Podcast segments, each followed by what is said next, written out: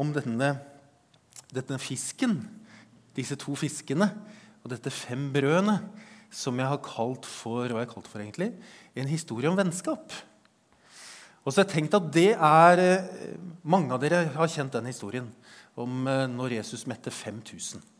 Eh, men så har jeg tenkt at vi skal prøve å ha et lite sånn voksenperspektiv på den historien. Og da har jeg kalt den historien om vennskap.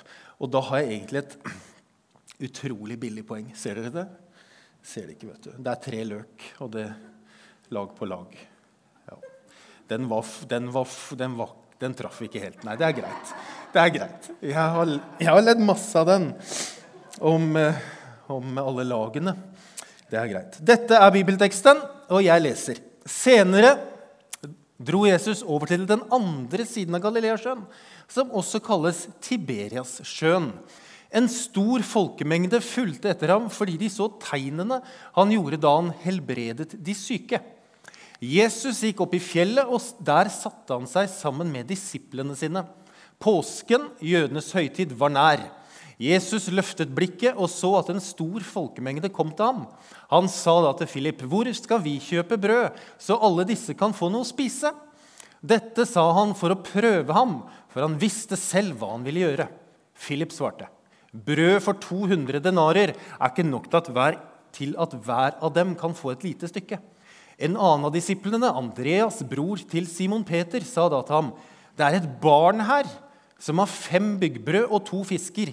Men hva er det til så mange? Da sa Jesus, la folket sette seg. Det var mye gress på stedet, og de satte seg ned. De var omkring 5000 menn. Da tok Jesus brødene, ba takkebønnen og delte ut til dem som satt der. På samme måte delte han ut av fiskene så mye de ville ha. Da de var blitt mette, sa han til disiplene, samle sammen stykkene som er til overs, slik at ikke noe går til spille. De gjorde det, og etter måltidet fylte de tolv kurver med stykker som var blitt igjen av de fem byggbrødene. Jesus sier at påsken, eller Johannes skriver at påsken, eh, jødenes høytid, var nær. Dette er I Johannes-evangeliet så sier Johannes dette tre ganger. Eller han snakker om at Jesus og påsken tre ganger. Og, og eh, at det er nærme høytiden. Og Den første gangen det er når Jesus rydder i tempelet. Og så sier han at dere har gjort tempelet til en røverhule. Få det bort. Gjør ikke min fars hus til et sted som det er vanskelig for folk å komme til tro på ham. Og så ble Jesus sint og rydda. Eh, og så sa han at på tre dager han, skulle, han sa at han skulle rive tempelet ned. Det var jo svært. Og så på tre dager så skulle han bygge det opp igjen. Og da skjønte jo de ingenting. Fordi de hadde jo brukt hundrevis av år på å bygge dette tempelet. Og så sier Jesus at det skal rives ned. Men Jesus han snakka jo om seg selv. At han skulle dø. Fordi Hvis du leser hele historien, som vi kanskje har gjort, så vet vi at når, det, når Jesus kommer til Jerusalem for tredje gang, så er det påske. Og da blir han hengt opp på et kors, rivd ned, lagt i en grav og står opp igjen på den tredje dagen. Og Derfor så er det en sånn jeg har kalt det en rød tråd om vennskap. Eh, som man kan lese. Og Det handler om at i, i Gamle Testamentet, og det Johannes også på en måte beskriver tilbake til her, er at Israels folk har vært i Egypt i slaveri. Så blir de fri, eh, og så går de i ørkenen i 40 år, som du kanskje har hørt om, og så kommer de til slutt inn i det lovede landet. Og så renser Jesus tempelet i det lovede landet. Og så gjør han disse underne, bl.a. dette brødre, og så kommer påsken. Og derfor sier jeg at denne historien er som en nistepakke Det er nistepakken vår, rett og slett. Og før jeg går inn, så har jeg lyst til å gå tilbake til et sted. For at det står her. Jeg vet ikke om du la merke til det, men jeg hadde det, hadde det i rødt. Der. Den funker litt fort, den fjernkontrollen. Jeg hadde det i rødt i teksten, for det sto det Hvorfor fulgte liksom disse folka etter Jesus egentlig? Over Genesaret Genesaretsjøen. Og så sto det jo fordi de så tegnene han gjorde når han helbredet de syke. Det var noe Jesus gjorde. Han helbredet de syke. Og så har jeg tenkt på hva er de syke? Hva betyr det å være syk? Og det norske ordet sykdom det kommer fra et sånt norrønt ord som heter sjuker. Jeg har gleda meg til å si. Sjuker. Og sjuker, det betyr bekymret. Eller et sørgende vesen. Eller en, et sørgende væremåte. Du kan si da at en bekymret væremåte er et vanlig symptom på det å være syk, kan man si. En bekymret væremåte er et vanlig symptom på det å være syk. Og Det betyr jo det at man kan være syk uten at man har fått en diagnose. Tenk på det. Det tror jeg veldig ofte. At jeg er syk uten å ha fått en diagnose. Så går jeg til lege, så finner jeg ikke syk allikevel. Men man kan jo være syk med en diagnose som er stilt, og at man føler seg syk. Ikke sant? Du er syk, du har fått en diagnose, og du føler deg syk også. Og så kan man jo være syk med en diagnose uten at man føler seg syk. Og det er jo det vi alle er redd for. Ikke sant? Ja. Så når, jeg, når, han, når det står at han helbredet de syke, så har jeg tenkt at det er ganske mange forskjellige typer folk eller diagnoser eller udiagnostiserte ting i den gruppa her. Det er noen som hadde vondt i ryggen. Det var noen som uh, var litt kvalme, kanskje. Noen med vondt i hodet. Jeg tror noen hadde vondt i hjertet. Og så var det noen med en sånn bekymret væremåte. Det er mange måter å føle seg syk på. Er det ikke det? Ja. Og så hadde jo Jesus sagt før dette, det her, at det er ikke de friske som trenger lege, hadde han sagt til disiplene. Da har vært ganske streng. Men de syke, det er jo de som trenger lege. Og så sa han, 'Jeg er ikke kommet for å kalle rettferdige, men syndere'. Og så kobler han dette sammen, på en måte. Og da tenker jeg kanskje det å være syk, at denne gruppen følte seg at han helbredet de syke, handla ikke nødvendigvis om at de var syke med diagnose. Men det handla om at det var noe her inne som man kanskje ikke helt klarte å sette ord på. Litt som irritabel tarm, har jeg tenkt på. Det er jo en sånn samlebetegnelse. Når du har vondt i magen, det er mye greier, men det er liksom ikke noe sånn diagnose, så får du diagnosen irritabel tarm. Litt det samme. Det er noe her inne som er rart, og som man ikke helt får plassert. Det er som en sånn nistepakke som vi bærer med oss i livet. Og så gjør jo Jesus dette fantastiske underet, brødunderet, som vi kaller det på fint. Og settingen er jo det at de er i ødemarken, og butikken er stengt.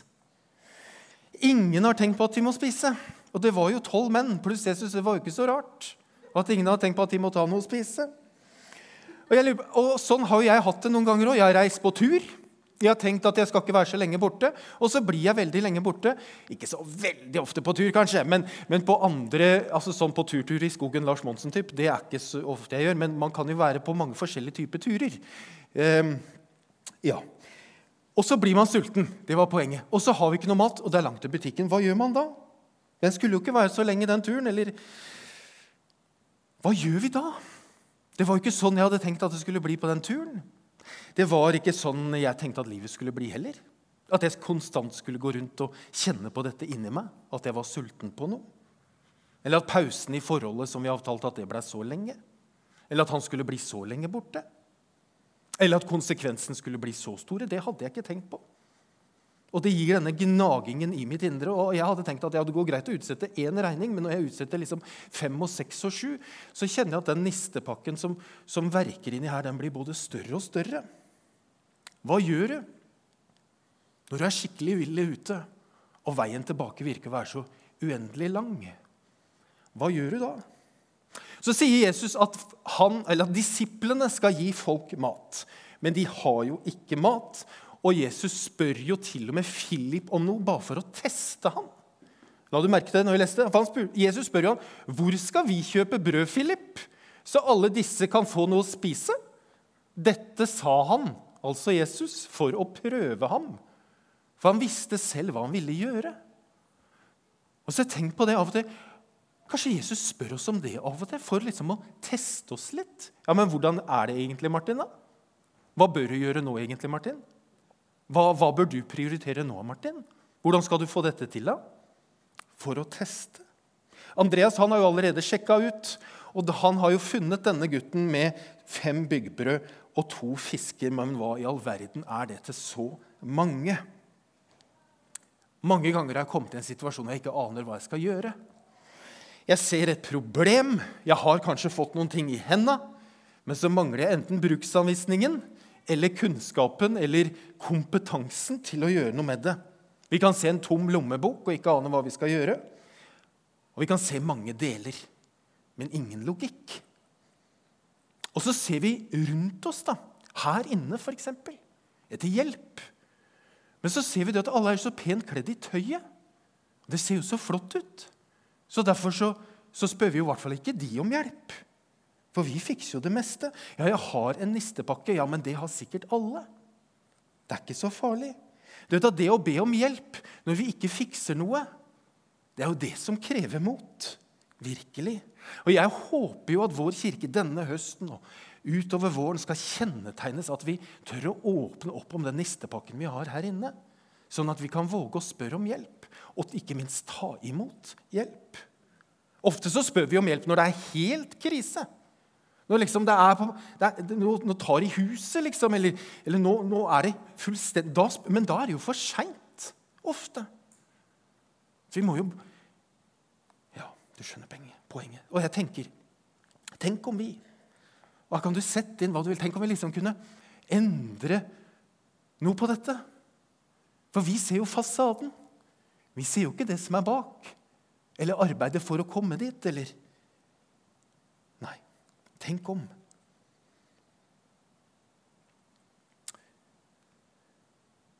Hva tror du ville skjedd hvis vi ble sånne løker som skrelte av noen lag, og så la vi en arm over, og så sa vi 'jeg kan gråte med deg'?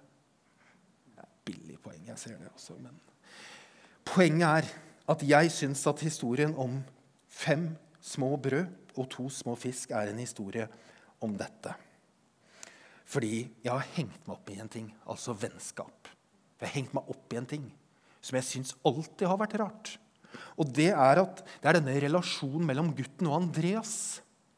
Jeg vet jo ikke hvor gammel den gutten er. Kanskje han var 11-12-13 år. Det står at han var en gutt, så han var i hvert fall ikke 35. Nei. Og han hadde jo fått med seg niste. Helt sikkert fra mamma eller pappa. Og den skulle han jo spise selv. For hun visste jo at han skulle på tur og være lenge borte. Så det er klart han måtte ha mat. Vi sender jo med barna våre niste. Stort sett. Men så kommer han Andreas, da.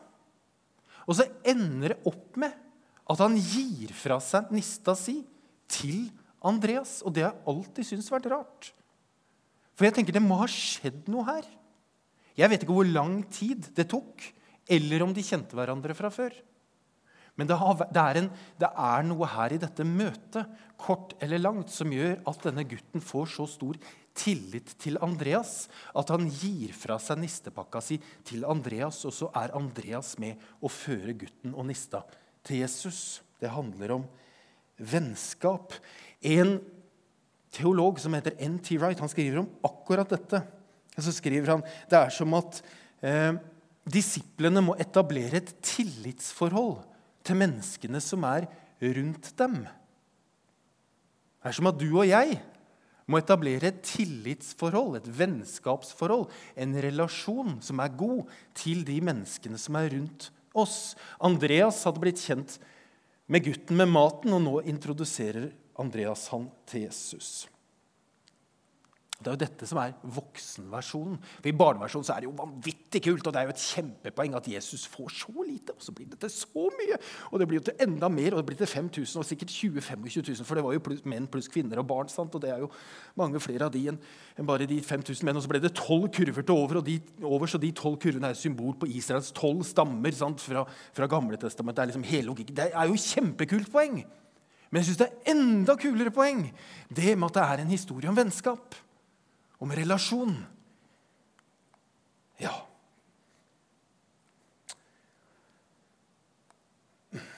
I Forkynnerboken i Gamle Testamentet så står det et vers som er forferdelig trist.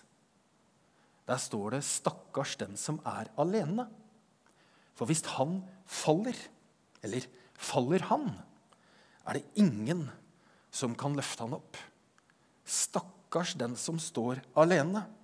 Faller han, er det ingen som kan løfte han opp. Du og jeg, vi trenger folk rundt oss. Vi trenger vennskap. Det har du kanskje kjent på i løpet av denne pandemien. At det har du savna. Du har kjent at det er viktig for deg. Det trenger du. Og vennskap det kommer jo ikke av seg selv.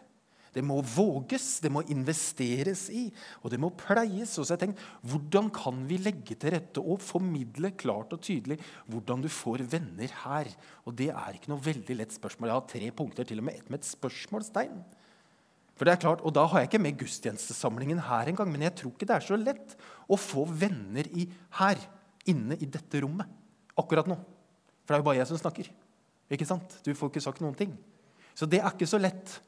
Men så går vi jo ut etterpå til kirkekafferommet.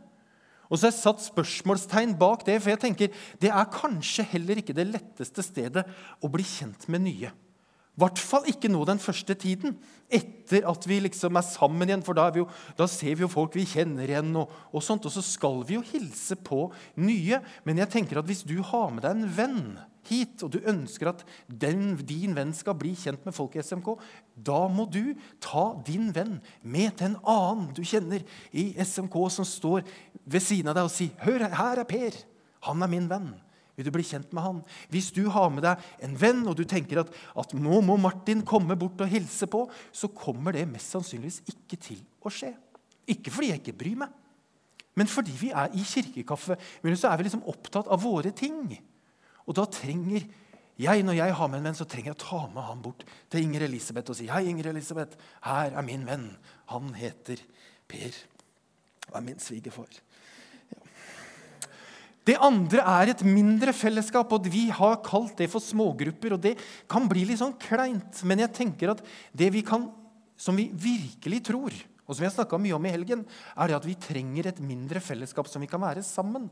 Noen får det bare ved å være med, ikke bare, men ved å være med i en tjeneste. Være med på Beam, være med på Connect som voksen, eller hvor sted man er. Så blir man kjent med noen der. Men vi tror også det, at det å henge sammen på fritiden og bruke tid sammen hver 14. dag, eller sånn, det er, det er jo sånn vi får venner. Er ikke det? Å være sammen.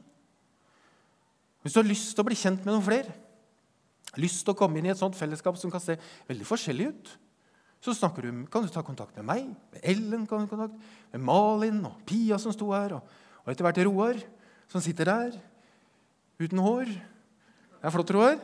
Du er den eneste i forsamlingen uten hår. Ja. Ok. Jeg har et ord til slutt. Ser du det? Ta initiativ det kan du velge å ta forferdelig negativt. Eller du kan velge å tenke positivt rundt det ordet og tenke ta initiativ. Ikke ta initiativ, men ta initiativ. Gjør det, da. Bli med. Si 'jeg har lyst til å være med på BIM', eller 'jeg har lyst til å gjøre det', eller 'jeg har lyst til å gjøre noe helt nytt'. Ja. Og jeg har med to stykker liksom, som også har lyst. Får vi lov til det, Martin? Sier jeg ja. Så lenge det er innenfor norsk lov og det på en måte er etisk og moralsk greit i forhold til standarden og, og vedtekter, og sånt, så kommer vi til å si ja. Stort sett. Nesten alltid. Jeg tror det. Så ta initiativ, og bli med. Si, vet du hva, jeg har, jeg har, tenkt at Nå har jeg vært ett og et halvt år hjemme. Jeg synes det har vært forferdelig kjedelig. Jeg har så mange ord som jeg trenger å få ut, sånn som dere hører at Martin har.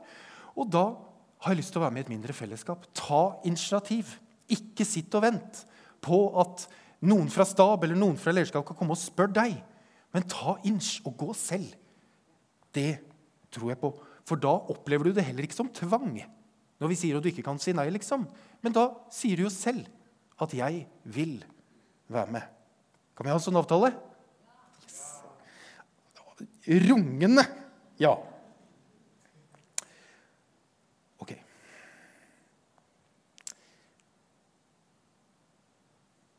Jeg har snakka om nistepakke. Det som rører seg her inne. Og Det kan godt hende at jeg sa noe som du kjente at det rørte seg litt sånn ekstra. Og så har jeg lyst til å si litt om min nistepakke. Mitt indre liv. For her er det så mye forskjellig. Det er de gode historiene, det er de dårlige historiene, det er de gode erfaringene og de vonde erfaringene. Det er ressursene jeg har, og begrensningene jeg har. Det er, jeg, det er de opplevelsene jeg føler nå har jeg liksom vunnet i noe. Og så er det de gangene som jeg kjenner jeg bare virkelig har tapt. Og det er bare tap. Det vi helst vil glemme, det vi ikke vil snakke om. Og så er det det vi aldri får ropt høyt nok om. Jeg tror at en sånn nistepakke som gutten ga til Andreas, og som Andreas ga til Jesus, det er en sånn nistepakke som vi kan komme til Jesus med. For det er livet vårt. Og jeg gir den nistepakken min til Jesus hver dag. Og da kan jeg si nå gir jeg alt til deg, Herre. Alt tilbake. Du vet om det. Du kjenner alt. Du rommer det, alt sammen. Nå gir jeg det til deg. Kan vi be en bønn? Kjære Jesus, la dette bli en høst hvor vi gir nistepakken vår til deg. La dette bli en høst, Herre, hvor vi kan erfare at det å åpne opp er bedre enn å pakke ned. La det bli en høst hvor vi kan blomstre sammen som kirke og fellesskap og som individer. La det bli en høst, Herre, hvor du gjennom din kirke, gjennom SMK, overrasker oss med din godhet imot oss. Takk for at du har rom, Herre, for alle som søker deg. Takk for at du lytter, du bekrefter, du utfordrer, og du gir nye muligheter.